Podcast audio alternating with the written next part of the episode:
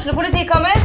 Ine Jansen er purk. Er du purk? The motherfucking bitch. Alt jeg vil, er å finne ut hva som skjedde med mannen min. Jon Carew. Er jeg sikta for noe? Iben Akeli. Det er du.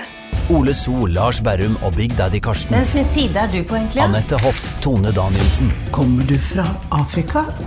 Jørnis Josef, Nesten. Kløfta. Trond Espen Seim, Det er synd å si det, men det var feil mann som døde. Purk. Premiere tirsdag på TV2 Play.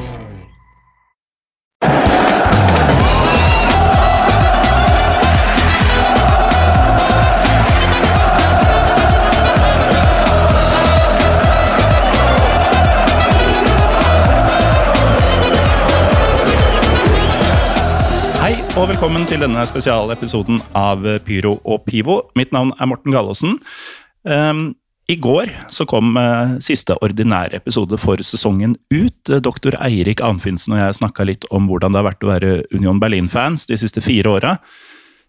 Dagens episode er et opptak gjort dagen etter at vi spilte inn den episoden for øvrig, med Herta Berlin-fan Asbjørn Slettemark fra Drita Halbside og meg på bakgården på Løkka i Oslo der eh, vi eh, diskuterer eh, hvor forskjellig det har vært å holde med hvert sitt Berlinlag den sesongen som har gått.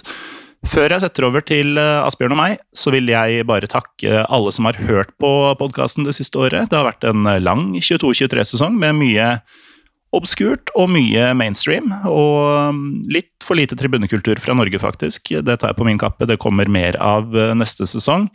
Eh, Som for øvrig kommer til å sparkes i gang en gang ute i august. Så eh, fra meg, Morten Gallosen og hele Pyro Pivo-universet, tusen takk for at dere har vært med så langt. Håper dere er med videre også. Her er Asbjørn og jeg live. Velkommen hit til bakgården på Løkka. Eh, mitt navn er, som Asbjørn har sagt mange ganger under testene her, Morten Gallosen. Ditt navn er Asbjørn Slettemark. Fremdeles Asbjørn Slettemark. Eh, Vi har jo hver vår podkast. Min er Pyro og Pivo. eh, Veldig rare greier. Din er Drita Upside. Mm. Handler om Som handler om tysk fotball. Eller handler om Tyskland, tysk tribunekultur, og av og til så snakker vi om tysk fotball. Ja, Så egentlig er det ganske like podkaster, bare at jeg snakker om andre land også. Mm. Eh, uansett, i kveld her da, så skal vi eh, snakke litt om uh, våre respektive skjebner som fans av hvert vårt Berlin-lag. Inntil nylig hvert vårt Bundesliga-lag i Berlin. Eh, sånn er det ikke lenger, Asbjørn. Nei, sånn er det ikke lenger. Eh, en har skifta litt på, på plassene. Det har vært, eh, Hvis det er noen her som eh, ikke er oppdatert på tysk fotball, så kan vi si det sånn at eh, eh, Morten Galaasen sitt lag, Union Berlin, fra en bydel i øst som heter Köpenick, eh, og rykka opp til Bundesliga for noen år siden, og de eh, befinner seg nå plutselig i Champions League. Eh, mens eh, laget som jeg følger, eh, Hertha Berlin, eh, som er mm, den gamle damen, eh, hele byens klubb, nesten, eh, befinner seg nå i Zweite Bundesliga etter en eh, katastrofal sesong eh, av helt eh, storslagne dimensjoner, til og med til katastrofeklubben eh, Hertha over.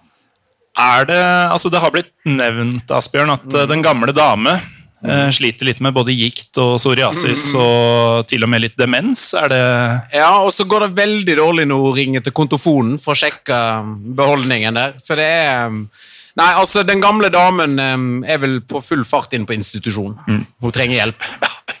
Hun trenger hjelp. Um, jeg veit ikke helt når jeg ser utover lokalet her, om, eller lokalet er det jo for så vidt ikke, utover bakgården her. Jeg visste faktisk ikke at vi skulle sitte utendørs eh, før vi kom hit. Nei, Til tross for at jeg meldte deg, og så skrev jeg Du, har du lyst til å være med og lage en spille inn en live-episode i bakgården på Løkka?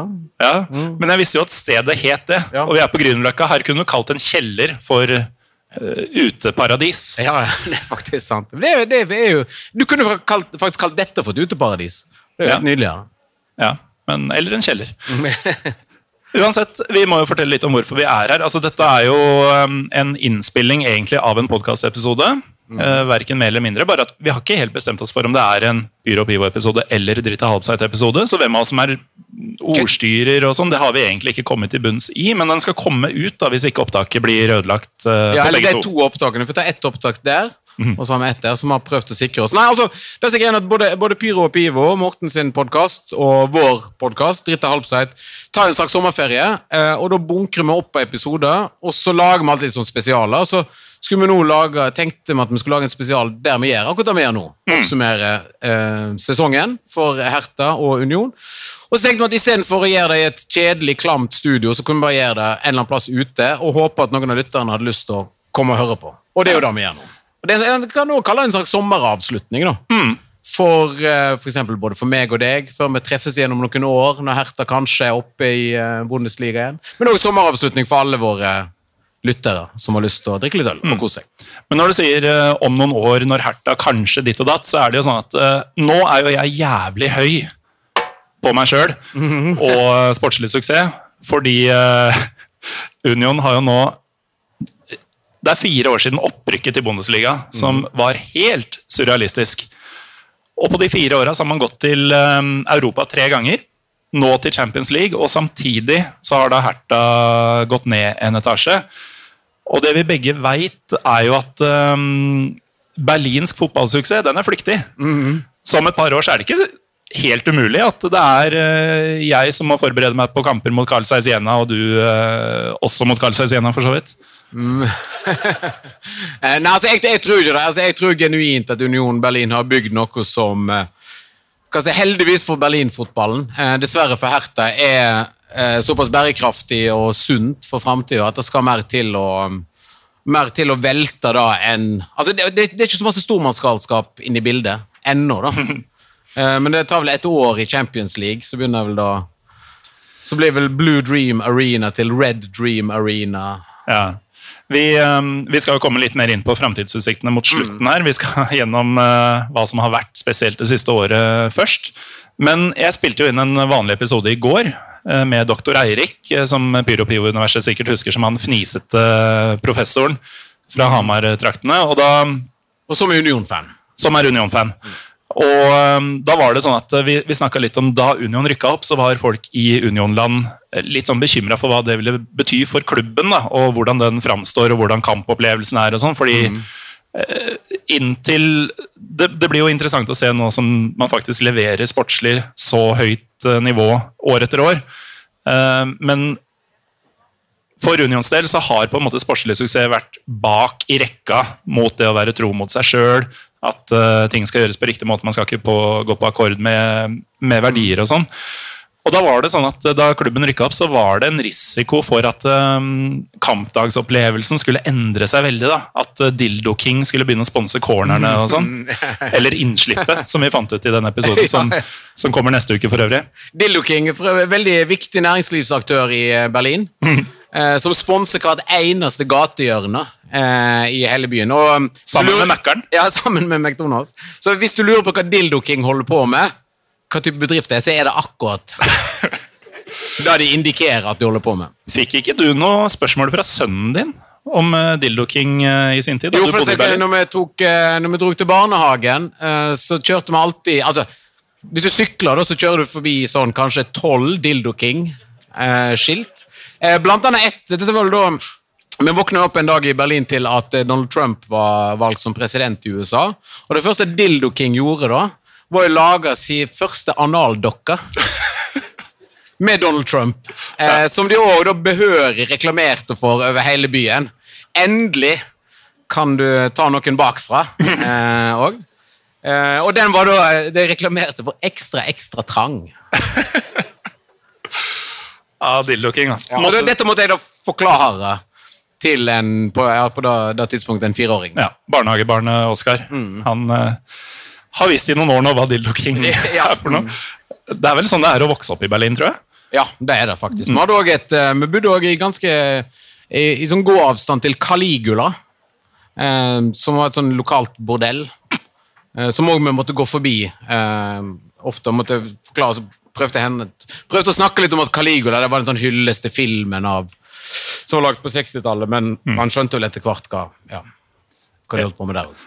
Det høres ut som dere bodde i sånn super-shady område, men faktum er jo at det var uh, Det var ganske pent område. altså. Ja, ja, ja. Vest-Berlin, og ja, ja. og Du er jo diplomatfrue og hele pakka. Ja, ja. så- ja, vi bor ikke hvor som helst. Nei, nei. Så det, det er sånn Berlin er på sitt fineste. Ja. da går du forbi 12 Dildo King, 12 Dildo King på vei til barnehagen. Mm. Eh, men apropos det, så um, Vi skal ta sesongen som har uh, gått. Men uh, det har gått en stund uh, før det også, fra vi eh, begynte å bli kjent. Mm. Da bodde du jo i Berlin. Og um, hvis vi sier 2018, da, som vi hadde denne um, Berlinball-turen Ja, for det var i mai 2018, så hadde vi det var vel der Dritte Halbseit egentlig stammer fra. så Vi arrangerte sånn litt sånn løselig via Twitter. Jeg tror Nils Henrik var med, i hvert fall, som sitter her. På noe som heter Berlinball. Drog på diverse eh, fotballkamper rundt om i Berlin. Og så der da, da traff jeg òg Runar for første gang. Så Skrøvseth fra- som er med i Dritte Halbseit. Og da var liksom spiren til eh, det som ble Dritte Halbseit. Morten Galaasen var der. med vi traff nynazister på Berlin. eh, På Dynamo, selvfølgelig. Mm. Ja, på Dynamo-kamp, ja, selvfølgelig. Um, jeg fant først ut etterpå at de var nynazister, for at jeg gikk bort til noen og spurte En ting du lærer veldig fort i Berlin, er jo at hvis du skal ta bilde av noen altså Tyskere er jo veldig sånn eh, Veldig opptatt av personvern, eh, som en skal være. Eh, men de er veldig opptatt av det. Uh, men det er også for å ta bilder av noe. Hvis du snikfotograferer noen på trikken fordi du syns de ser morsomme ut, så blir det lagt merke til, og det, blir, det kan bli en situasjon. Så erfaringen min er alltid at du må alltid spørre om å få lov til å ta bilde av noen. Og så så jeg en fyr som hadde ei T-skjorte som jeg synes så veldig sånn veldig skremmende, men også litt ganske gøyal ut. Jeg hadde lyst til å finne ut senere hva T-skjorte dette var. For det sto 'Sterke durch Disiplin'. Altså styrke gjennom disiplin. Det høres jo tøft og kult ut. Ja, ja, ja. Og så var det liksom kule metal-font. Og jeg tenkte liksom, kanskje et eller annet kult tysk punkband jeg skal bli interessert i. Um, og så gikk jeg bort til en, han fyren, og så pikker jeg han forsiktig på skulderen, og så snur han seg, og så har han raske solbriller, helt skinna, veldig, veldig godt trent, i sterke disiplin-T-skjorte. Hadde vært disiplinert på gymmen. Ja, han, han, eh, han hadde brukt sin arbeidsledige tid på gymmen. altså. Um, han, og så spør jeg unnskyld, men kan jeg få lov til å ta bilde av baksida av T-skjorta di. Og så ser han på meg lenge, og så sier han For da du spør? Ja. Og så googler jeg det etterpå, og så viser jeg at det er jo eh, den mest solgte T-skjorta til et band som heter Terrosphere, som er Tysklands største naziband. Ja. Ja. Og der har du egentlig Og der, der traff jeg òg Morten, da. Ja. Han sto ved siden av. Jeg er eh, nyskinna i dag, tror jeg. Eller var det i går, kanskje? Så det Du hadde lite disiplin på håret før i dag. Ja. Nei, men uansett, Grunnen til at jeg nevnte det, var at dette er jo fem års tid siden. Vi mm. har jo blitt stadig bedre kjent siden. Men våre utgangspunkt som tilhengere av henholdsvis Herta og Union, det har jo endra seg kraftig. Hvor var dere i 2018? Nei, altså Jeg kan jo fortelle om hvor jeg var fredag 28. september 2018. Da sto jeg eh, i Ostkurve. Um, hadde endelig fått eh, tak i et eh, sesongkort til Ostkurve. De første to årene så var litt på sånne sporadiske plasser rundt om på stadion. Men hadde klart å få tak i et sesongkort som da um, det, Jeg tror det er 1. juni cirka, de legger ut uh, us usolgte Eller folk som har glemt å betale for sesongkortet. Da klarte jeg å få tak i et. Senere den sesongen så står jeg der. Fredag 28. september. Det er mørkt. Det er ganske varmt, som det ofte er i Berlin i september. Og Hertha Berlin leder 2-0 over Bayern München. Og Hertha Berlin ligger da på andreplass i Bundesliga. Tidligere i sesongen, etter fire kamper, så var de vel nummer én, sammen med Bayern München. Eh, Veda Dibisevic var i strålende form. Eh, Salomon Kalou herja. Eh, Andrej Duda var midtbanegeneral. Rune Jarstein sto som en berlinmur bakerst. Og Union Berlin var et bydelslag på andre sida av byen, og som holdt på, og gjorde det på dette tidspunktet egentlig ganske godt i Zweite Bundesliga, men da var det liksom var, liksom en, helt sånn klart i byen at Union Berlin kan gjøre det så bra som de bare vil, men de rykker jo aldri opp. For de snubler jo alltid. Det har de gjort sesongen før. Um, så da, da var livet egentlig ganske vakkert og varmt og fint som Hertha-supporter. Det var det en gang, ja. Eh, Det var jo 2016-17-sesongen at Union første gang virkelig holdt på å gjøre det helt store. Og det var jo da denne frykten for eh, kultur og identitet som sånn spredte seg rundt i bydelen, Köpenick. Mm -hmm. Vel, Livredd for suksess og dildoking? Nå er vel uh, Köpenick, Treptow eller Treptow Köpenick uh, den største, eller en av de største bydelene i, uh, i Berlin, tror jeg. Men uansett. da var det sånn at i 2017 så rykka man nesten opp, og så sprakk det litt de siste par rundene. Det var jo svære lag som tok de plassene. Det var Hanover og, og Stuttgart, hvis jeg husker riktig. Mm. Um, og da fikk man på en måte tid til å vurdere, da. Sånn hvis det hadde skjedd, hadde, hadde det vært kult. Mm. Og så tror jeg de fleste endte med at ja, det hadde jo vært jævlig fett å rykke opp. Mm. Men eh, den 2017-18-sesongen, da, som ble avslutta med Berlinball eh, der vi Ja, for du så med Union, Vi var jo så Bochum mot Union ja. Berlin der, stemmer det? Mm. I en kamp hvor ingen av lagene hadde noe å spille for, tror jeg. Ble 3-1 til Union. Som det ofte blir når man møter um, Bochum. um, men da var det sånn at det, det var en veldig sånn antiklimaktisk sesong. da, Når man endelig hadde begynt å tenke sånn ja, opprykk hadde vært fett, og så var man egentlig aldri i nærheten det året. Uh, og så går det da noen måneder fram til at du står og ser Hertha slå uh, Bayern. Mm. Uh, og så skjer det jo noe i løpet av den sesongen som ender med at vi er på banen! Ja. For de som ikke tar referansen, Asbjørn, gidder du? Ja, altså, eh, når vi skulle lage ny eh, vignett til vår eh, podkast, så tok vi med litt forskjellige altså viktige karakterer i tysk fotball. Da er jo Trappatoni er med i vignetten vår. Oli Hønes er med i vignetten vår. Kona til Runar er òg med i vignetten vår. Og Morten Galaasen, som roper 'Vi er på banen', med litt mer frynsete stemme. da, For du stormer banen etter opprykkskvalik mm. mot Stuttgart. Ja. Eh, beste 0-0-kampen jeg noensinne har sett. ja. eh, dro på jobb dagen etter for øvrig, her i Oslo. Mm ganske sjukt. Som er vel egentlig mer imponerende enn en banestorming? Mm. Det verste er jo at jeg ble jo såpass dritings i løpet av den kampen og kvelden at eh, jeg glemte å sette på vekkerklokke. Mm. Så det var med nød og neppe at jeg rakk det flyet hjem. Mm. Det hadde vært fin beskjed å ringe inn til sjefen sånn Du, jeg kommer ikke på jobb i dag. jeg. Men vi er på banen! Og det fins veldig mange beviser for at jeg ikke ligger sjuk hjemme. for å si det sånn. Dette var all over the internet. Eh, men uansett, eh, der var vi en gang i tida. Mm. Og så rykker jo Union eh, opp.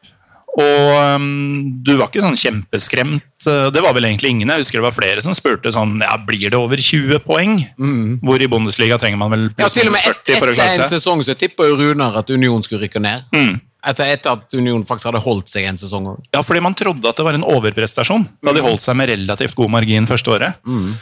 Og så har det virkelig rulla Altså, det har vært snøballer begge veier for de to klubbene. Ja. Åssen har utviklinga altså det, det, som skjedde med Herta denne sesongen, det kom jo ikke ut av det blå. på en måte. Man var jo i eh, kvalik-sesongen før, og man har mm. generelt ikke fått til ting. da. Altså Det er jo beretningen om en varsla katastrofe. Uh, og En kan jo dra sammenligning til Hamburg, for eksempel, som redda seg med nød og neppe år etter år etter år, før de fikk da et nedrykk som alle sa ja, men det er bra for de å komme seg ned, og så får de ta en samling i bunnen, og så kommer de seg kjapt opp igjen, og så fire-fem sesonger senere, så, så, står de der fremdeles med med, med fjerdeplasser og tapte kvalifiseringskamper. Bare bader i de deilige fruktene av nedrykket. Sånn, Fy faen så godt vi hadde av dette. Ja, ja.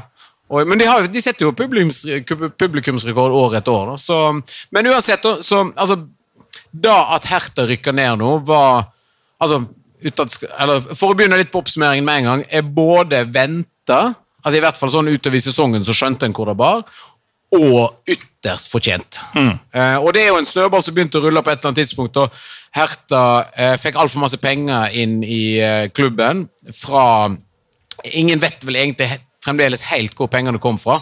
Det var en investor som heter Lars Windhorst, som, som var liksom avsender.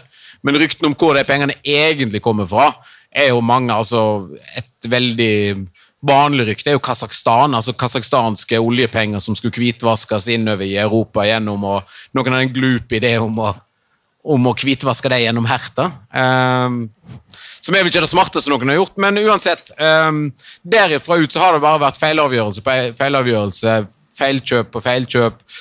Um, grusomme ansettelser uh, som har kulminert i helt, et helt uunngåelig nedrykk. Mm.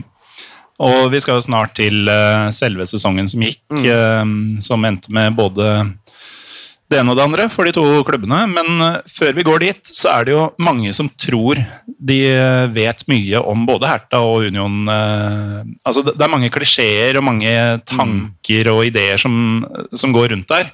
Du nevnte jo f.eks. dette med Hertha Berlin, den gamle dame som er hele Berlins klubb. Vi, vi, vi, det er jo litt sånn.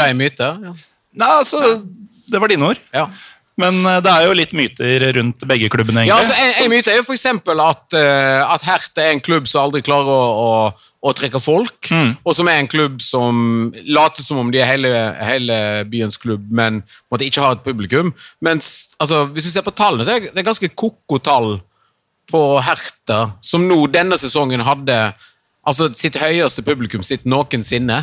Det er 54 300 et eller annet. Um, Som er et dritbra tall, Ja, som- som- men det ser jo fortsatt ikke bra ut. Nei, for Olympiastadion er jo 75 000, så det ser jo ofte liksom, Når du, du da ikke åpner opp ei langside der, så ser det jo veldig skralt ut. Men det som er jo det er helt bisart, at hvis du ser på tallene fra fjorårssesongen, så er Herta på 15.-plass i verden. Uh, nei, eller i, i Europa, uh, mener jeg. I forhold, altså med tanke på um, uh, antall publikum. Og hvis du ser enda nærmere på det tallet, ser du en annen gøy ting. At tre lag fra neste års Sveite Bundesliga er på topp 16 i Europa. For du har Hamburg på 16.-plass, Hertha på 15., og så Schalke tror jeg på 12. eller 11. plass.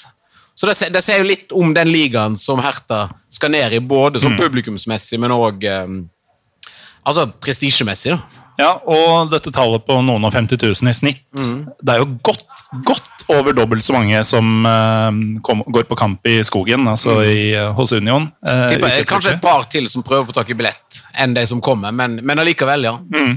Det er det jo. Mm. Men uh, når medier og kommentatorer og sånn skal snakke om disse lagene, så er det jo alltid kjempeskryt av trøkket og engasjementet og sånn i eh, Union, Mm. hvor det er 22 000 drøyt eh, på kamp.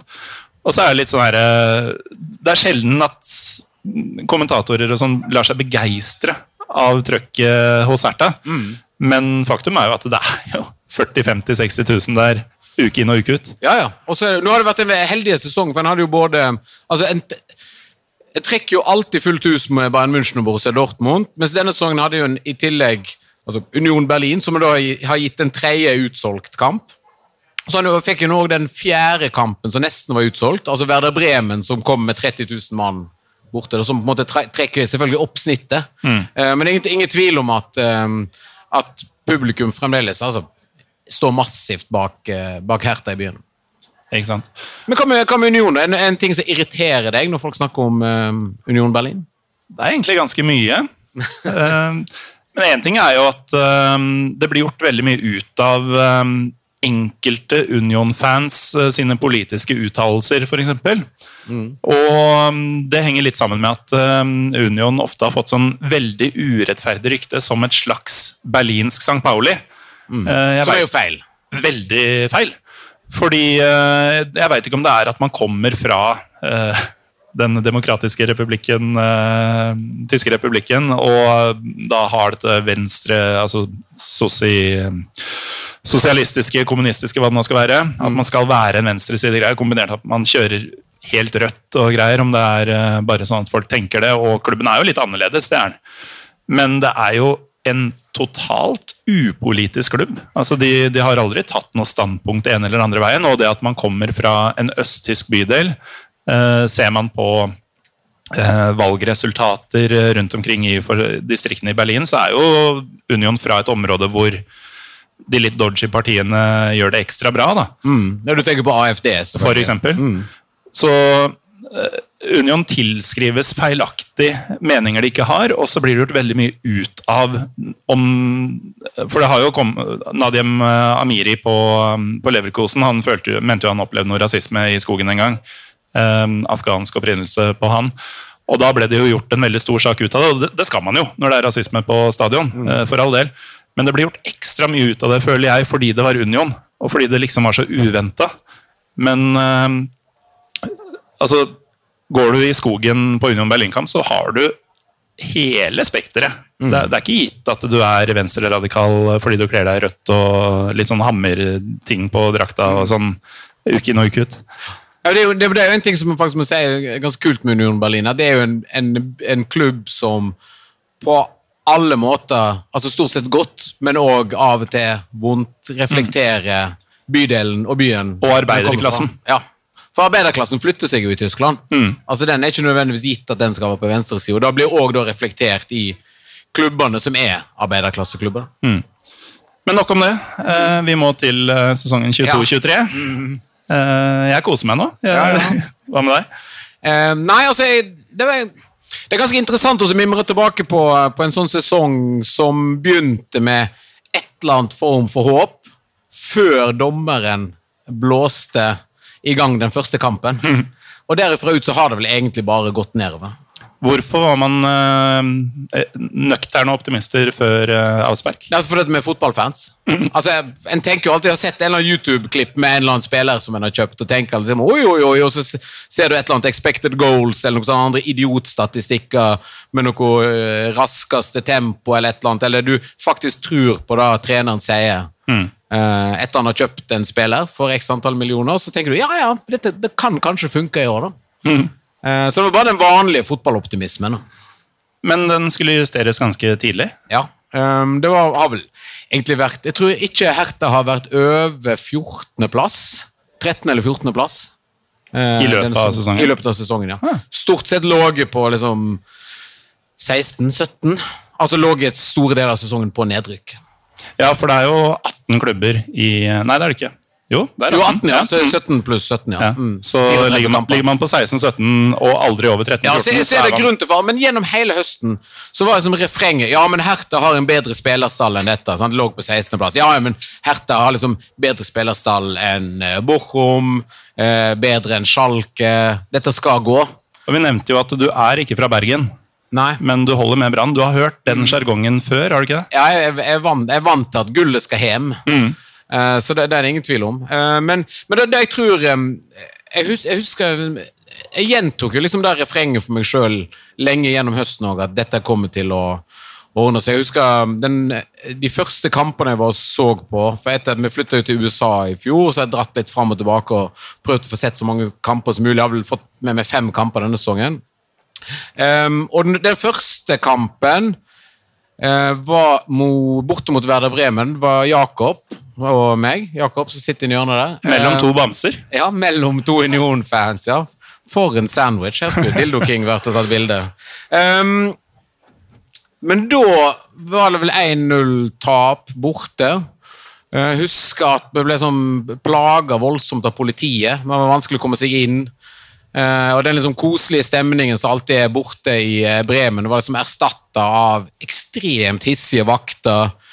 Masse politi som stoppa opp, og så vi vi slapp vel egentlig knapt nok inn på tribunen. Men endelig kom oss inn på tribunen, så kom oss ikke ut igjen for å kjøpe øl. Altså det var helt, og bare Folk kasta pyro og bluss overalt. og den der, Jeg vet ikke om noen som har vært i bortekurven i, i Werder Bremen, men den er sånn Stadion, Weser stadion ligger jo helt fantastisk til. Altså Du går sånn tur fra gamlebyen opp langs elva Weser, og så ligger stadion liksom nesten ute i elva. Eh, og på veien så er det alltid god stemning med Bremen-fans, og folk selger øl fra handlevogner og sånt. Og så eh, kommer du inn på bortekurven, og så står det bare altså, Uansett hvor du står, med mindre du står på de tolv første radene, så er det bare en sånn gigantisk stolpe foran deg. Eh, så det er en sånn ekstra plagsom eh, bortesving, bortekurve. Og der tapte vi da 1-0, og tenkte liksom ja, ja, nei, ok.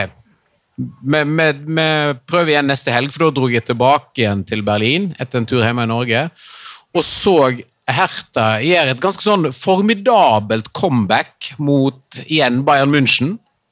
Lå under 3-0 etter vet da faen jeg, 20-25 minutter. Før Hertha da altså Alle hadde egentlig bare gitt opp den kampen.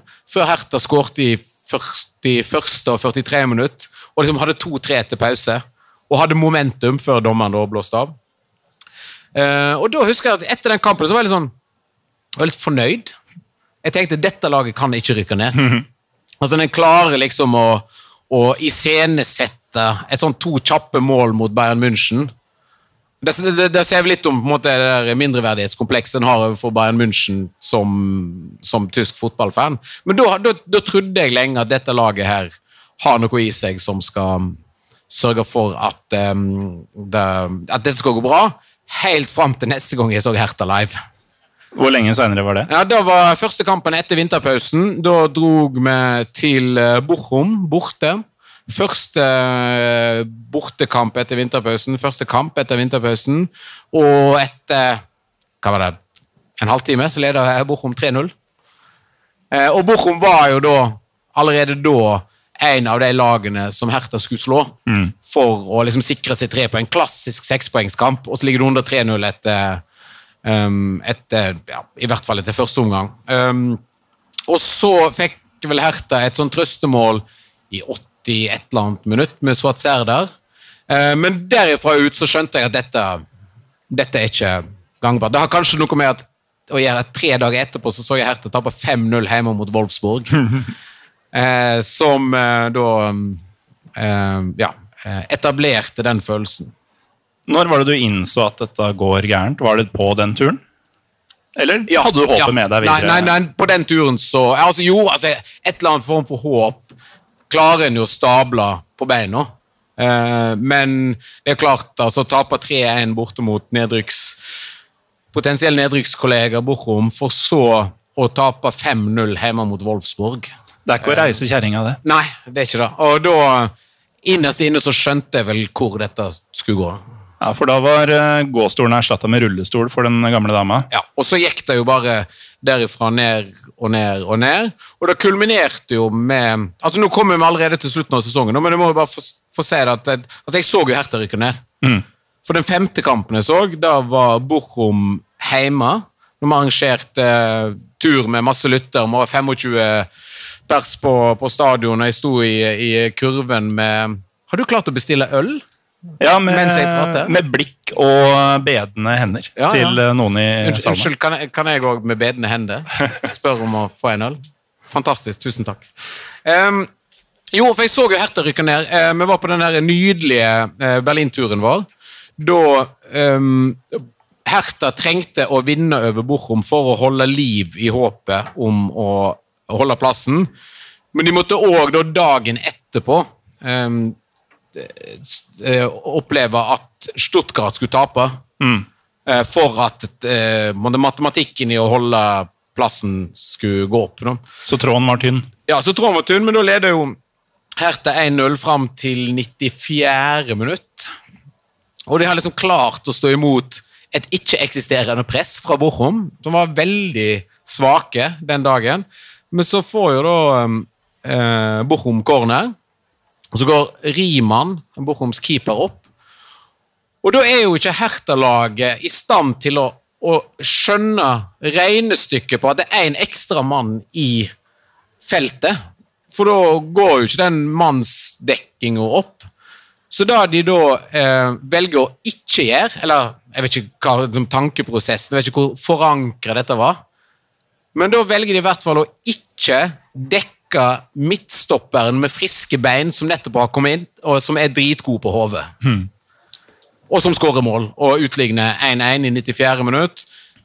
Fem sekunder etterpå, så um, Eller to minutter etterpå, så blåser dommeren av, og Hertha rykker ned. Men da må jeg si Nå ble det en sånn lang monolog fra meg her, men da må jeg si at i ettertid så var det egentlig en veldig fin opplevelse. For da at eh, alternativet hadde vært For Stuttgart vant dagen etterpå uansett. Så alternativet hadde vært å sitte og gnåle i masse WhatsApp-grupper med andre Hertha-fans og sitte på flyplassen og se på mobiltelefonen at Hertha rykker ned. Men når du står i Ostkurve sammen med de folkene som jeg faktisk elsker å se fotballkamp sammen med, og opplever dette nedrykket og i mangel av bedre ord bearbeider det sammen, eh, føles veldig mye bedre enn å sitte på den bedritne flyplassen i eh, Berlin og, og se det på en iPhone. Det er jo en ehm, Altså, en ting som er med rivaleriet i Berlin eh, Det er mulig noen eh, som har vært på flere derbys de siste fire åra, eh, føler det annerledes, men for, sånn jeg opplever det, da, så er det ikke Det er fortsatt ikke et genuint hat mellom Hertha og Union, bortsett fra enkelte fraksjoner som går inn for å gjøre det så fiendtlig som mulig. Og jeg merker jo at selv om jeg sitter på andre sida av bordet litt lenger øst fra deg, så er egentlig litt kjipt å høre på den fortellinga der. Du blir litt lei deg? Litt. Ja. Men det er også litt Du fordi kommer jo til å savne Hauptstadt-derby nå. Ja, ja.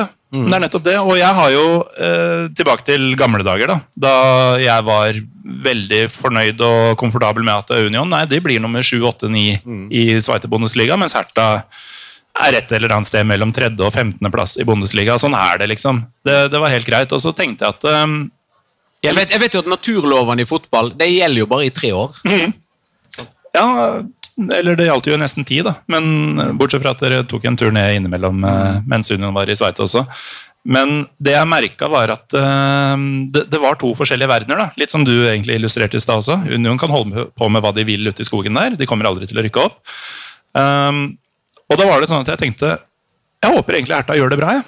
Fordi eh, Berlin er en veldig kul by. De trenger større fotballkultur. eller sånn Fotballkulturen er sterk i Berlin, men den, det må synes bedre utad.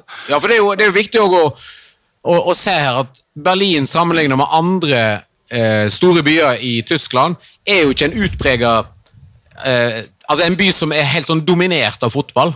Sånn som du opplever for eksempel, hvis du drar til Dortmund, eller hvis du drar til Köln på kampdag, eller du drar til Dresden og ser du nummer Dresden på, på kampdag, eller for den saks skyld du drar altså, til andre byer av en viss størrelse i, um, i Tyskland. Ja, og der er vi jo inne på Du sa Hauptstadt-derby. Altså, et byderby i det hele tatt er jo ganske uvanlig i Tyskland. De fleste byer har den ene store klubben. Eh, Berlin har to. Og da blir det automatisk Det skjer et eller annet greie i nord med en eller annen sånn klubb med noe dødningsskall eh, mot Ja, men Det trenger ikke vi å forholde oss til. Eller du må faktisk Ja, jeg må til begge faktisk klubbene. meg til det.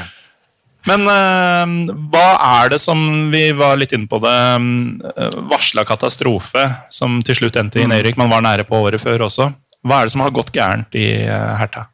Um, altså jeg tror nok det er at en har I motsetning til Union Berlin, så har en aldri planlagt hvordan en skal spille fotball. En har bare hatt en sånn drøm, en sånn illusjon om hvordan en skal spille fotball.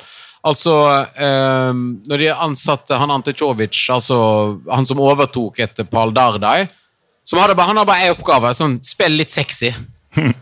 Altså, skå, Skår litt mål, og hvis vingene springer fort, så er det jævla bra. Da var, liksom, da var filosofien og mentaliteten. Så en sånn, et bare sånn drømmescenario om hvordan fotballen din skal være, istedenfor at du forankrer deg i fotballens knallharde realiteter, som er at du må sørge for å på en måte bare stenge ned motstander. Altså, de færreste lag kan tillate seg å spille sexy fotball. Um, må måte, du må først stenge ned, og så kan du jokke litt etterpå.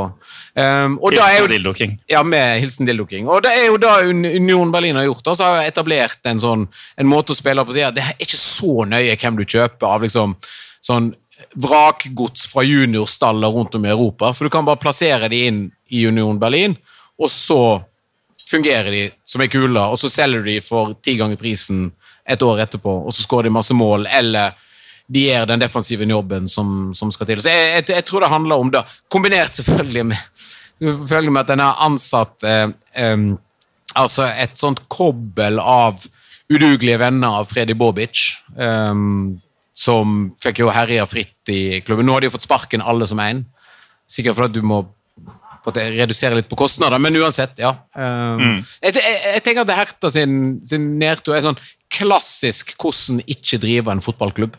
Ja. Litt sånn hvordan ikke bygge en flyplass. Ja, som jeg nå I har gjort i Berlin. Ja. ja. Mm, ja, riktig. Så, altså, første spadetak er på, på feil tomt. Men eh, jeg har hatt det ganske bra denne sesongen som har gått. Fortell litt om det, Morten. Ja, hva vil du vite? Ja. Um, altså, jeg, jeg lærte i NRK en gang at en skal alltid liksom, si et, når en, når en snakker og sånn, så kan en alltid si, to, si noen positive ting før en begynner på en negative. Men nå har vi gjort det omvendt. da. Tatt elendigheten først. Men ehm, ok, først da. Er du overraska over at Union Berlin nå er klar for Champions League? Veldig. Og det er litt fordi um, Og dette snakka jeg også med doktor Eirik om i den episoden av Pyro Pivo som kommer neste uke. At uh, jeg tror vi som er i det, har vanskelig for å løfte blikket og se at uh, nå er Union Berlin en etablert Bundesliga-klubb, og etablert på øvre halvdel, og at det ikke er tilfeldig at man har forbedra seg fire år på rad, fem år på rad, um, og fått Europa tre år på rad. vi tror fortsatt at vi holder med en mikroklubb som egentlig eh, spiller for spiller og hele pakka hører hjemme et nivå under. Um, og da blir alt av suksess. altså Hver gang man f.eks. slår Bayer Leverkosen, da, eh, som kanskje ikke er det laget man slår oftest, når jeg tenker meg men likevel, eh, så er det like sjokkerende hver gang. Vi er, vi er fortsatt der. Og så er det jo det at eh, da man eh, holdt plassen det første året, så var det en grunn til at Runar Skrøveseth sa nå går det rett ned. den vanskelige andre sesongen, og Man har på en måte maksa det man kan gjøre med det budsjettet og den spillertroppen. og sånn.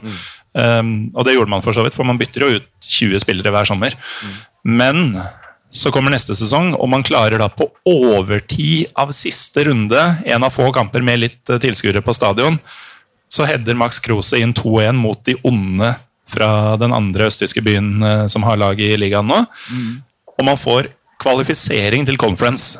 Og det var sånn Ok, nå er taket i hvert fall nådd! Dette er det sjukeste en Union-supporter noensinne kommer til å oppleve. Og så går det et år til, og så tar man femteplassen og er egentlig bare et par poeng tror jeg, unna Champions League-plass da også. Rett inn i gruppespillet. Og eh, nå kan det ikke gå bedre. Man starter en ny sesong, tenker sånn Ok, hvor mange lag er Union klart bedre enn? Er det fare for å rykke ned? Det er der eh, både Eirik og jeg har starta, og jeg tror eh, mange som holder med Union, kjenner seg igjen i det. Fordi det er jo Altså Det er fort en av de eldste spillertroppene i ligaen. Eh, likevel så er det en tropp som ofte har veldig mange som ikke har spilt Bundesliga før. Eh, Da man solgte Max Krose og Marvin Friedrich, så henta man inn um, Dominique Heinz for å erstatte Friedrich. Det er jo én ting, han var benkesliter på om det var Freiburg eller noe sånt på den tida. Um, men man mister Max Krose. Og hva gjør Union da? Får man panikk? Nei. Man saumfarer altså Oliver Ronert og Urs Fischer setter seg ned i noen skinnstoler antagelig, lener seg tilbake og ser hvilke ca. 30 år gamle Sveite Bundesliga-angripere med eh, noenlunde lik venstrefot og teknikk eh, finnes. Jo, Sven Michel. Han henter man inn. Og så blir man bedre! Og mens Hertha sånn, for noen år siden tenkte skulle litt sånn bedre, så går de til Italia og kjører, kjøper Pjontek for 250 millioner. Det var bra, det. Ja, mm, det ble kjempebra. Men så ender man da med Europaligaen, etter å ha mista to av de spillerne som alle, både inne og ute av klubben, mente var de to beste på laget. Eh, og så kommer da årets sesong, hvor man egentlig man mister Taivo Avoni.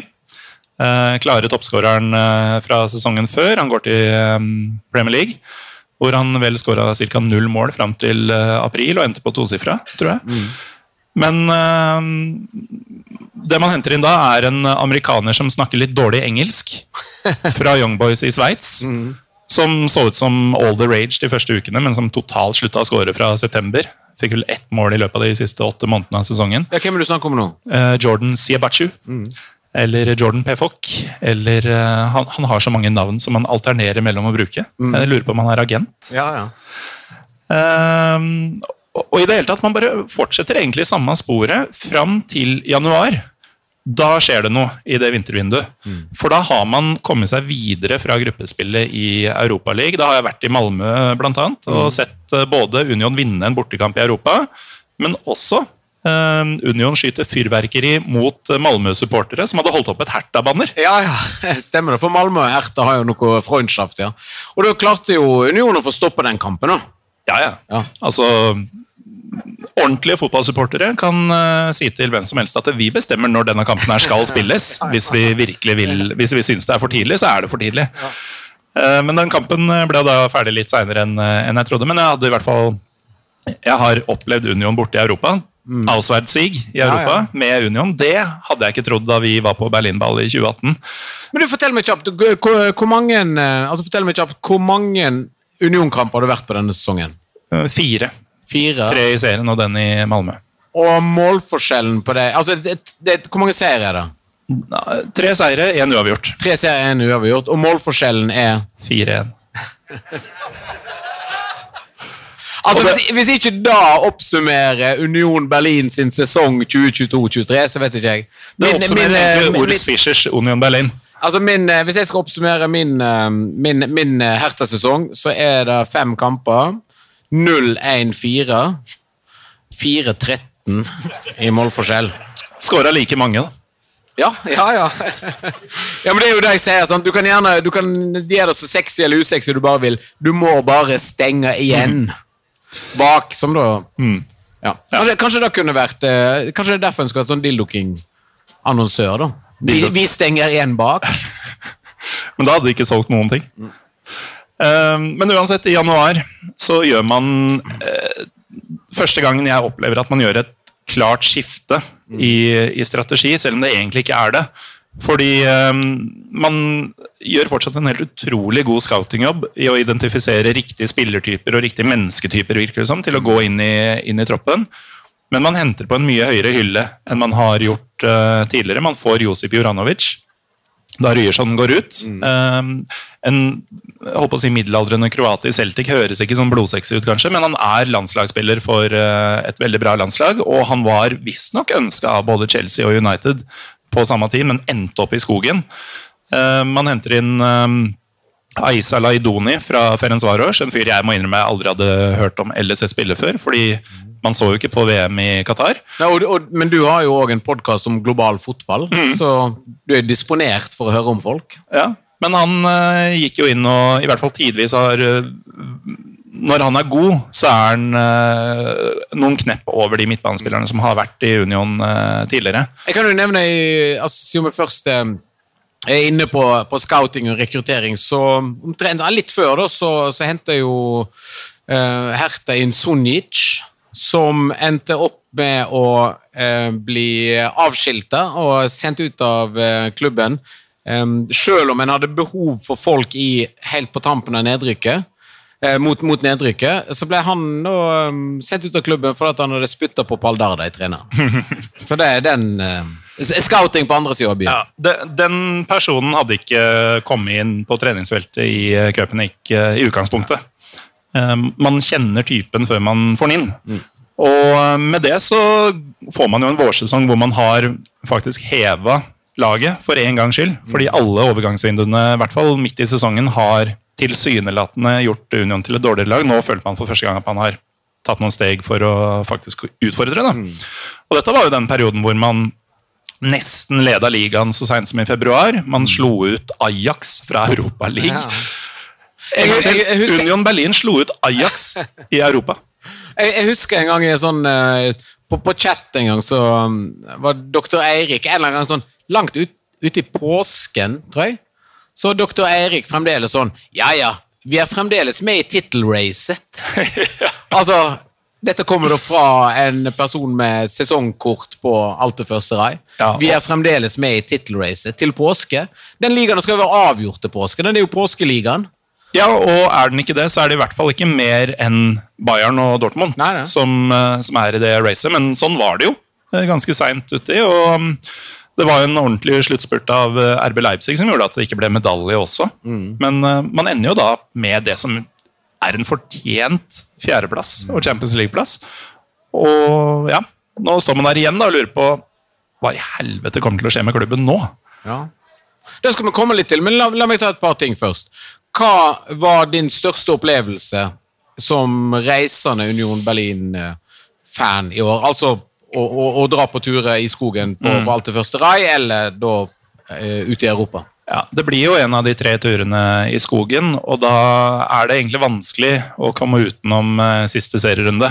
Hvor eh, man bader i sol og stanger og stanger til 81 minutter, tror jeg, før eh, Rani Kedira, altså selve Kadira, ikke han eh, ukjente broren, eh, ruller inn 1-0 mot eh, et uh, sommerferieprega Verde Bremen, og med det sender Union til Champions League.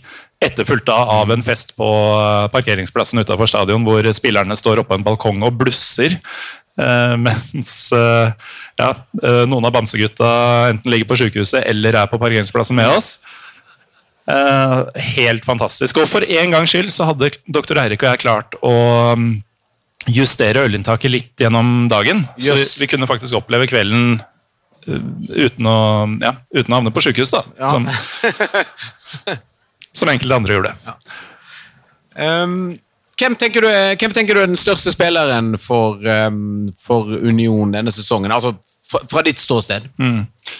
Det er uh, mange å velge mellom. Den ene mindre sexy enn den andre. Eh, men det er jo en sentrallinje der som ikke hører til i Champions League, men som man må dra fram likevel. Altså det er Fredrik Rødnov i mål, bunnsolid. Har stort sett vært eh, på benken i andre Bundesliga-klubber før han kom til eh, Union. Ja, dansk dynamitt. Ja, altså jeg vil si topp fem eh, keeper denne sesongen Altså i Bundesliga. i Bundesliga. Danilo Doki, um, relativt ung nederlandsk stopper som ingen hadde hørt om uh, før han kom fra Fitesse. Uh, den, uh, Paul Thomas Klee hadde hørt om han, selvfølgelig. Ja. Eh, men han er litt annerledes skrudd sammen. Kedira, selvfølgelig. Avskilta som Bundesliga-spiller. Eh, hatt en kjempesesong, er i På, kapteinsteamet påskilta i Union Berlin. påskilta i Union. Og ikke minst, da. Mannen som ser ut som Clark Kent forfra, og en kvinnelig fitnessprofil bakfra, Kevin Behrens. Han uh, har He has no business uh, å holde på med det han driver med. Han er altfor dårlig til å være en så viktig spiller i et Champions League-lag. Men sånn er Union Berlin. Alle spillerne er egentlig for dårlige, men uh, hva er det man sier? Man er bedre enn summen av sine enkeltdeler.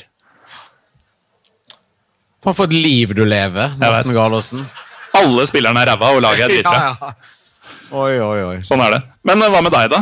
Um, dine favorittspillere? Nei, altså, det, altså, hvis jeg skal ta, dra fram noen spillere som jeg har kjent meg litt stolt over at spiller for Hertha denne sesongen, så er det jo igjen en dansk keeper. da. Altså Oliver Christensen. Han fikk kjørt seg i starten av sesongen. Ja, veldig. Altså, han overtok jo eh, det, var, det var ikke planen at han skulle overta. Altså, Rune Jarstein eh, landa i Ble på en måte skvisa ufortjent ut av eh, klubben eh, gjennom en, på en måte, katastrofal personalbehandling, som jeg har snakka en del om på, på Dritte Halbsite.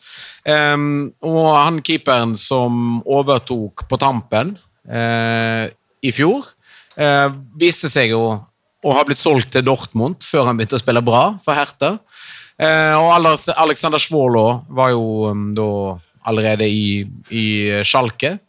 Um, så da dukka plutselig Oliver Christensen opp, som var egentlig kjøpt inn som en sånn slags tredje-fjerde-keeper skulle utvikle seg. Fikk plassen. Um, hadde litt sånn Svålå-tendenser eh, tidlig. Det betyr at du har at eh, hendene dine er tre centimeter kortere enn hva du sjøl tror.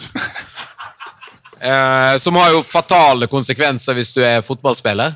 Eh, men han var jo den som måtte, hver gang Herta klarte å få et mål, klarte å få et poeng, en sjelden gang få en seier, så var han førstemann opp i kurven og hang liksom nesten rundt halsen på, på kapoene. og var første spilleren som sto liksom foran kurven og gråt når det gikk galt, og viste et sånn fotballhjerte. og det er sånn, altså Når ting går galt, for en klubb, når spillerne ikke klarer å kommunisere sammen, de ikke klarer å, å, å gjøre noe som helst verken for treneren eller for fansen, så er det jo da du vil se. Du vil se noen som lider på samme måte som deg sjøl på, på tribunen. Og da gjorde Oliver Christensen òg. Jeg tror han innser jo sjøl at han per dags dato gjennom hele sesongen egentlig ikke var god nok, men han prøvde så jævla hardt. Og da kan du jo ikke si om f.eks. folk som spytter på bakken for en treneren, eller andre oppgitte eh, spillere. Så, så Christensen er nok den som for meg så fram som den, den jeg kommer til å huske med mest positivt eh, fortegn denne sesongen. Og da den spilleren som jeg gjerne, gjerne, gjerne skulle beholdt i Zweite Bundesliga, franskmannen Lucas Tossar, som etter å ha landa i clinch med eh, Ostkurve um, året før. Altså da Capoene hoppa inn på, på Olympiastadion, prøvde å dra av han drakta, og det var liksom, laget hadde boikotta kurven, og det var helt kaos en periode. Så liksom Så kom han tilbake fra det. Altså Han måtte tilga supporterne, og supporterne tilga han, og han gjorde en god innsats og leverte den der sekserrollen som Hertha så desperat trenger. Som, og jeg tror også at du snakket om årsaker til at Hertha rykker ned. Jeg tror at da at Askasibar eh, forsvant, den argentinske bitte lille terrieren med en Han er liten, han. Ja, han er liten, ja. Med, men han er stor nok til å ha en Maradona-tatovering på, mm. på, eh, på leggen. Eh, Da at han forsvant tilbake til Argentina, vel, på utlån, men han kom jo aldri tilbake, da jeg tror jeg var katastrofalt for, eh, for Herta denne sesongen. Jeg har to ting jeg må si før vi går videre. Um, det ene er at um, du vet, i hockey, i hvert fall i norsk hockey, så er det ganske vanlig med personlig sponsor. Du vet, Én Herta-spiller som kunne hatt, uh, og burde hatt, uh, Dildo King som uh, sponsor, personlig sponsor de siste året. Swallow. Det er billig. Oh, det, er, det, er en, det er en vits, eh, Eivind. Har du fått den av Eivind? Nei, men jeg skulle ønske han var det. Endelig. Det måtte synke inn bare baki der.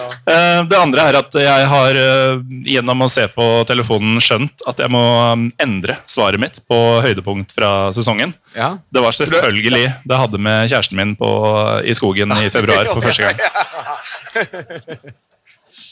Bedre nå? Oi, oi, oi.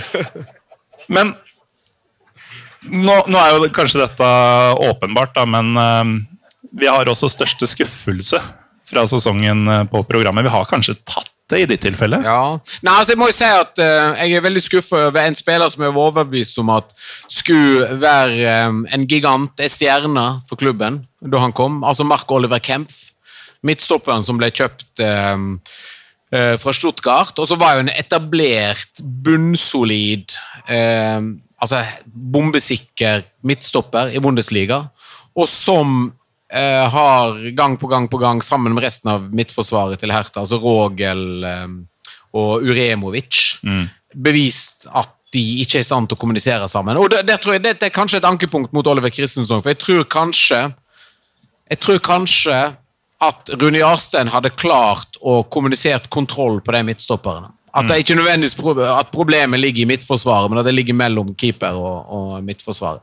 Men det, det er jo det som har vært um, Den mest tydelige, eh, tydelige elendigheten til Hertha denne sesongen er jo midtforsvaret. Uh, og da er det Mark Oliver Kemp som må få det ansvaret. Så med de forhåpningene til han, så er han ja, enorm skuffelse. Vi har, apropos skuffelser og oppturer, eh, vi har noen lister. Eksterne lister. Jeps. Eh, Du har fått en bunn tre opplevelser fra din venn Jimmy. Ja, altså min venn, eh, min venn Jimmy, som eh, sikkert mange som har hørt på Dritt Halp seg, kjenner fra oppfinneren av Parkplass-whisky, som er da eh, Jim Beam Apple, med den billigste fersken-isteen du finner i eh, tyske dagligvarebutikker. Og den skal drikkes på Og parkeringsplassen. den skal drikkes på parkeringsplassen. Ikke noe is, bare i pappkrus. Um, Jimmy høres ut som han kunne stemt eh, AFD. ja, men det, Det er veldig white trash over dette her. Hva du, hva, du, hva du sier nå? Det er jo den flotteste, den flotteste bartenderdrinken du kan få i Vest-Berlin. En jævlig variant av whisky kombinert med den billigste ferskenisten du finner, som konsumeres på en eh, parkeringsplass. Utelukkende. Ikke sant? Bartender, eh, eller tidligere bareier Toshi er enig med meg. Men uh, uansett, det var en digresjon. Det er han vi skal høre fra. Ja, altså Jimmy reiste jo, som er en av mine eh, beste Hertha-venner, og som jeg har vært med på alle kampene jeg har vært på, på grunn av at han har vært på alle 34 Hertha-kampene. Eh, år han fikk seg endelig sin perfect season. Um, der han um, eh, Han prøvde jo på det først eh, i 2019-2020-sesongen. Da ble uhøflig avbrutt av et eh, virus fra Kina. Um, han var godt på, godt på vei. Uh, men denne sesongen har han vært på alle 34 uh, kampene til Hertha, som jo da selvfølgelig fører med seg en del Weltschmerz. Um, jeg spurte om han kunne gi meg sine tre eh, bunn altså bunn tre hertene mine fra sesongen, og sånn er det. Først Køln. Jeg var alene på denne fredagskampen, men møtte norske Bjørnar Engevik og hans gjeng på stedet. Takk, folkens, dere var turens eneste lyspunkt. På toget ble Bundespolizei eh, på toget ble Bundespolizei tvunget til å gripe inn i vognen da det var litt forstyrrelser for hertanere. Da vi rullet inn i Køln, fikk vi en avskjedshilsen fra lokføreren, som ropte over høyttaleren Til alle Herta-fans, jeg håper dere rykker ned, for jeg er så jævla lei av dere! Vi svarte med å fylle hele toget med klistremerker overalt. Dette var en viktig kamp, siden håpet fortsatt levde. Etter åtte minutter sørget Davy Selke for 1-0 til Køln, men gikk skadet av banen like etterpå. Det var heldig for Hertha, siden han var skikkelig varm. Vi snudde senere til 1-2 i første omgang, men lykken varte akkurat lenge nok til at Køln rakk å ordne 3-2 til pause. Kampen endte 5-2. Regnet pisset ned hele forbanna kampen. På trikken ned til sentrum var Köln-fansen riktig så drøye og hånet hver hertaner de så. Det ble ganske hett. Da jeg skulle sjekke inn på hotellet, fungerte ikke kortet mitt, og resepsjonen var ubemannet. Jeg var ikke i seng før klokken 02, og toget hjem til Berlin, til Berlin gikk klokken 6 neste morgen. Neste. Sjalke. Jeg gikk alene også denne fredagskvelden. Håpet om en ny kontrakt levde fortsatt. Pga. et eh, logistisk havari i samarbeid med politiet ved Gelsenkirchen Haupanhof måtte jeg ta taxi til arenaen. Da taxien ikke tok kort, måtte vi gå rundt og se etter en minibank i byen først, men de, men de to første automatene fungerte ikke. Jeg var tydelig til taxisjåføren jeg endelig fant på at jeg skulle til borteseksjonen, men ble likevel droppet av utenfor hjemmekurven. Dette var 20 minutter for avspark. Jeg kom akkurat i tide til at dommeren startet kampen. Akkurat som i Köln var Hertha som de pleier å være. Verst når det gjelder. Også denne kampen endte 5-2 til hjemmelaget. Stuttgart. Denne tirsdagskampen reiste jeg med Dennis, som da òg kanskje en del Drita Halbseit-lyttere enten har truffet eller har hørt det om gjennom podkasten. Denne tirsdagskampen reiste jeg med Dennis. Vi hadde bestilt en tidlig ICE-avgang med Deutsche Bahn for å sjekke ut nettopp Stuttgart. Da vi kom til Hauptbahnhof, viste jeg at toget hadde gått 30 minutter for tidlig uten at Deutsche Bahn hadde varslet om dette. I stedet ble det en regionaltur med seks-syv endringer i ulike drittsteder i Bayern og Saksen. Vi kom oss til arenaen med en times margin. Kampen? Stuttgart skåret 2-1 i det 98. minuttet av kampen. Toget hjem ble selvfølgelig forsinket. Herta-sesong 2022-2023. Mm. Er, Eimi er Jimmy fornøyd med at det ble perfect season? Akkurat i år? Ja. ja altså, jeg, tror, jeg, tror, han er veldig fornøyd med å få gjennomført da, et, Eller jeg vet at han er veldig fornøyd med å få gjennomført da, etter den katastrofen som var som var med, med pandemien. Når mm. var, var, godt i gang med det. Men altså, jeg må jo også si jeg har vært, eh, altså, som sagt, Jimmy har vært på alle kampene jeg har vært på, i og med at han har vært på, på mm. alle. Og han er jo en av de som eh, gjør at altså, Da å ha reist rundt og se Herta er jo òg veldig fint, for du treffer liksom noen kjente ansikt. Du har noen folk du kan, um, du kan helse på. Du vet jo at elendigheten og lidelsen kommer, men du vet jo òg at det står noen på den parkeringsplassen der og koker opp drinker til deg ja. før du skal inn, uh, inn, på kamp. Og gudene skal vite at det trengte dere. Ja, ja, ja, det trengtes. Jeg har også fått uh, liste, Asbjørn. Hvem som har levert deg? Uh, det er uh, presidenten sjøl mm. av Bamsegjengen, Rune Holtmoen. Han har riktignok ikke um, kommet med bunn tre, fordi det fins ikke i Cupnik. Topp tre fra sesongen 22-23 fra um, Rune i Bamsegjengen. Nummer én. De er litt lengre enn dine, for øvrig. Lørdag 28.1.2023. Bamsegjengen EUFC, Eingetragene Union Fanklubb, ble 12.12.2022 den, den første offisielt registrerte fanklubben til Union utenfor Tyskland. Applaus for det, forresten. For å feire det så tromma vi sammen en stor bande og vendte nesen mot eh, Berlin for å bevåne Hauptstadt Derby mellom Hertha og Union lørdag 28.1 på Olympiastadion. Rundt 20 bamser og nære venner ladet opp på Preussisches Landwirtshaus, som ligger rett utenfor Olympiastadion før kampen. Du har sikkert vært der, Asbjørn? Ja, det er rett overfor gata for uh, Olympiaekk. Sånn klassisk uh, mm. bortelagskneiper. Uh, ja. Typisk januarvær i Berlin la ingen demper på stemninga. Ølet var kaldt, men forventningen varmet. Herta har vi etter hvert et ganske bra tak på. Alle vet vel hvordan det gikk? 2-0 til Union og stemning til langt over taket på Olympiastadion i Vestkurve. Det er bra det er en åpning der. Straff på 73 000 euro for det pyroshowet, det var det verdt. Ingen tvil om hvem som regjerer i Berlin nå. Fem seire på rad mot den gamle jeg omformulerer litt Røya. Det begynner å knirke i leddene der nå. Etter kampen samla gjengen seg til hakse og øl på Hofbrauhaus, og stemningen var ikke overraskende upåklagelig.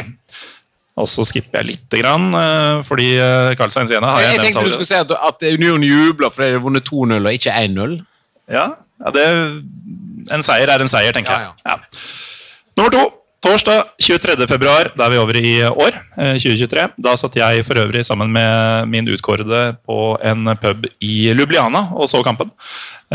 Scheis Uefa hadde faktisk tillatt oss å spille Europaliga i vårt eh, eget Wonsima, Stadion an der Alten Försterei. Med prøveprosjektet deres med å tillate ståplasser var det selvsagt at vi skulle spille hjemmekampene på vår egen hjemmebane. Knockout-runden for kvalifisering til åttendedelsfinalen i Europaligaen var mot selveste Ajax.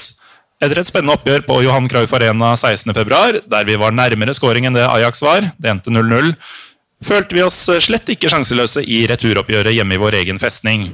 Pga. torsdagskamp var dessverre ingen av oss fra Norge til stede i Köpenick denne kvelden, men stemninga var, det, var slett ikke verst på vårt stamsted, eh, som jeg egentlig ikke vil si, men det står at du må si det, Morten. Bohemen heller. Straffe til Union etter rundt 20 minutter 1-0. 2-0 til Union i det 44. minutt. Dette ser lovende ut. Pause. Ach du scheisse! Mål til Ajax i det 47. minutt og 2-1. For en frekkhet! Dette blir mer spennende enn vi har gått av. Men Union de viser hva de er laget av, og header inn 3-1 i det 50. minutt, og det blir også sluttresultatet. Det var helt magisk å slå ut en gigant som Ajax, og vi var kvalifisert til åttedelsfinalen i Europaligaen. Den lille klubben fra skogen sørøst i Berlin. Før vi tar tredje og siste, Asbjørn. Mm. Februar. Eh, noen slår ut Ajax, noen sitter i eh, USA og ser at eh, den gamle dama knirker mer og mer. Ja. ja det er forskjell på folk. Ja, det er forskjell på folk. Fy faen. Nummer tre. Lørdag 27. mai, det som også inntil nylig var min eh, favorittur fra i år. Um, siste spilledag i Bundesliga hjemme mot Verde Bremen og kamp om plass i Champions League neste sesong. Oppgaven var enkel. Med seier var det bare en teoretisk mulighet for at vi ikke måtte begynne å pusse skoene og forberede oss på å møte de store kanonene neste sesong. Det var en nydelig sommerdag i Berlin, og vi stilte manns- og kvinnesterke. Tradisjoner er tradisjoner fordi vi gjør det relativt ofte. Derfor starta vi med en kebab og øl ved elva foran rådhuset i vakre Köpenick.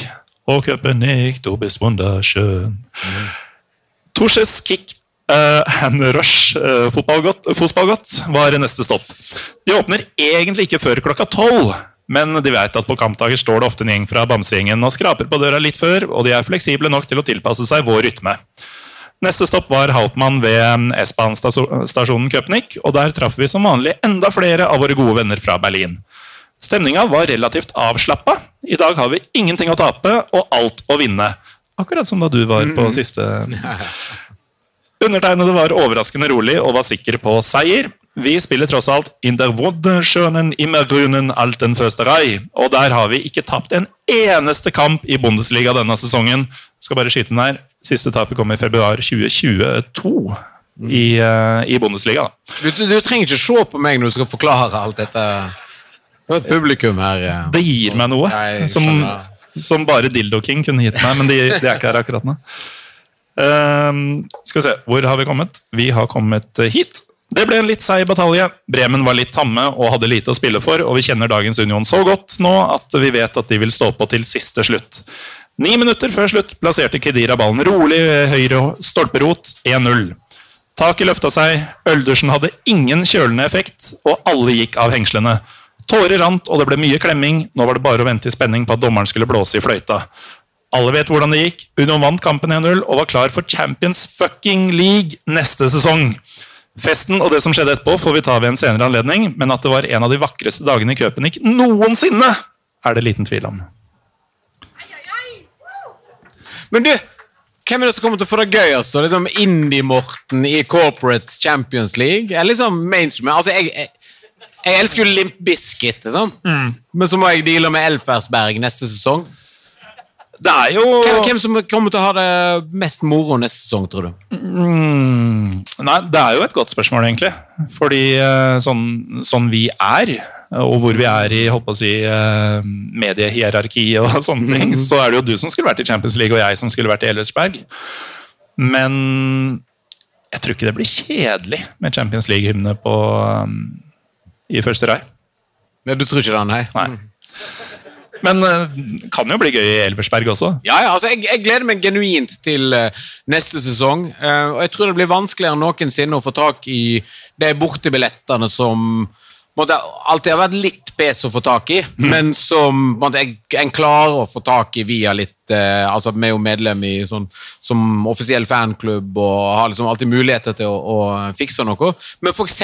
å få tak i en billett til Hertha borte mot Karlsroe, som er vel det tette heteste fanfreundschaftet i Tyskland, ved siden av Schalke og Nürnberg, som har et veldig sånn lidenskapelig elskovsforhold.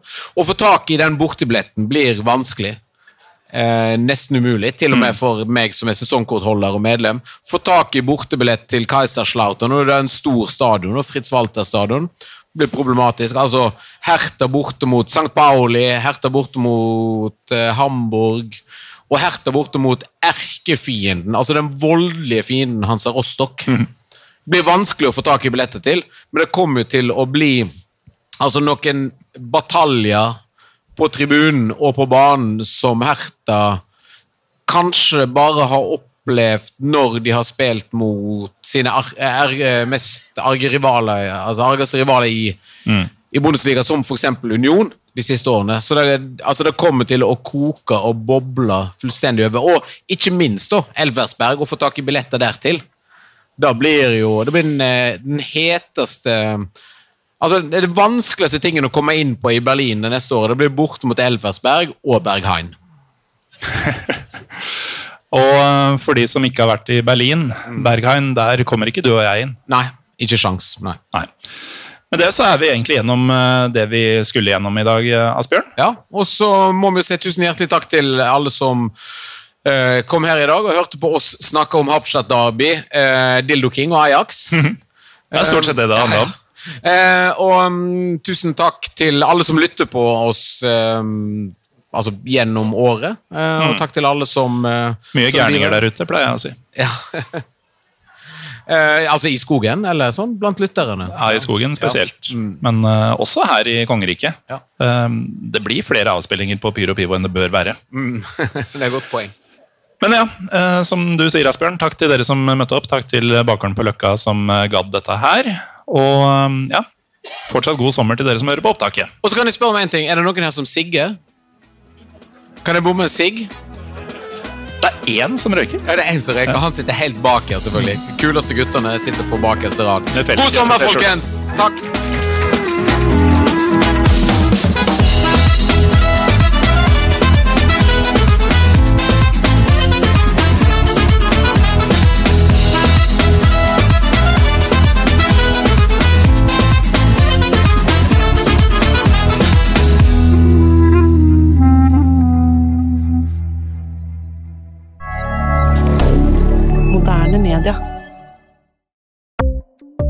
Ukens annonsør er HelloFresh. HelloFresh er verdens ledende matkasseleverandør og kan være redningen i en travel hverdag. Mange av oss har nok vandret i butikken både sultne og uten en plan for middagen, som ender med at vi går for de samme kjedelige rettene gang på gang. Middag burde være dagens høydepunkt. Som HelloFresh kan du nå velge mellom 25 ulike retter hver eneste uke, eller få HelloFresh til å sette sammen menyen for deg. Dette gir deg muligheten til å prøve nye og spennende retter alene eller sammen med familien. Du velger antall porsjoner og får alt levert på døren på et tidspunkt som passer for deg. Oppskriftene er enkle, og maten er lett å lage både for store og for små. Ved å få alt levert hjem får du også mer tid til å dele matgleden med familie og venner. Kanskje det frister med asiatiske tacos eller greskinspirert kylling? Da kan jeg anbefale deg om å gå inn på hellofresh.no. Her kan du bruke koden FOTBALL og få opptil 1779 kroner i rabatt på de første fem matkastene hvis du ikke har prøvd HelloFresh tidligere. Du kan også bruke rabatten hvis du har vært kunde og stoppet abonnementet ditt for tolv måneder siden eller lengre. Gå inn på hellofresh.no og bruk koden FOTBALL. Har du et enkeltpersonforetak eller en liten bedrift? Da er du sikkert lei av å høre meg snakke om hvor enkelt det er med kvitteringer og bilag i fiken, så vi eh, gir oss her, vi. Fordi vi liker enkelt. Fiken superenkelt regnskap.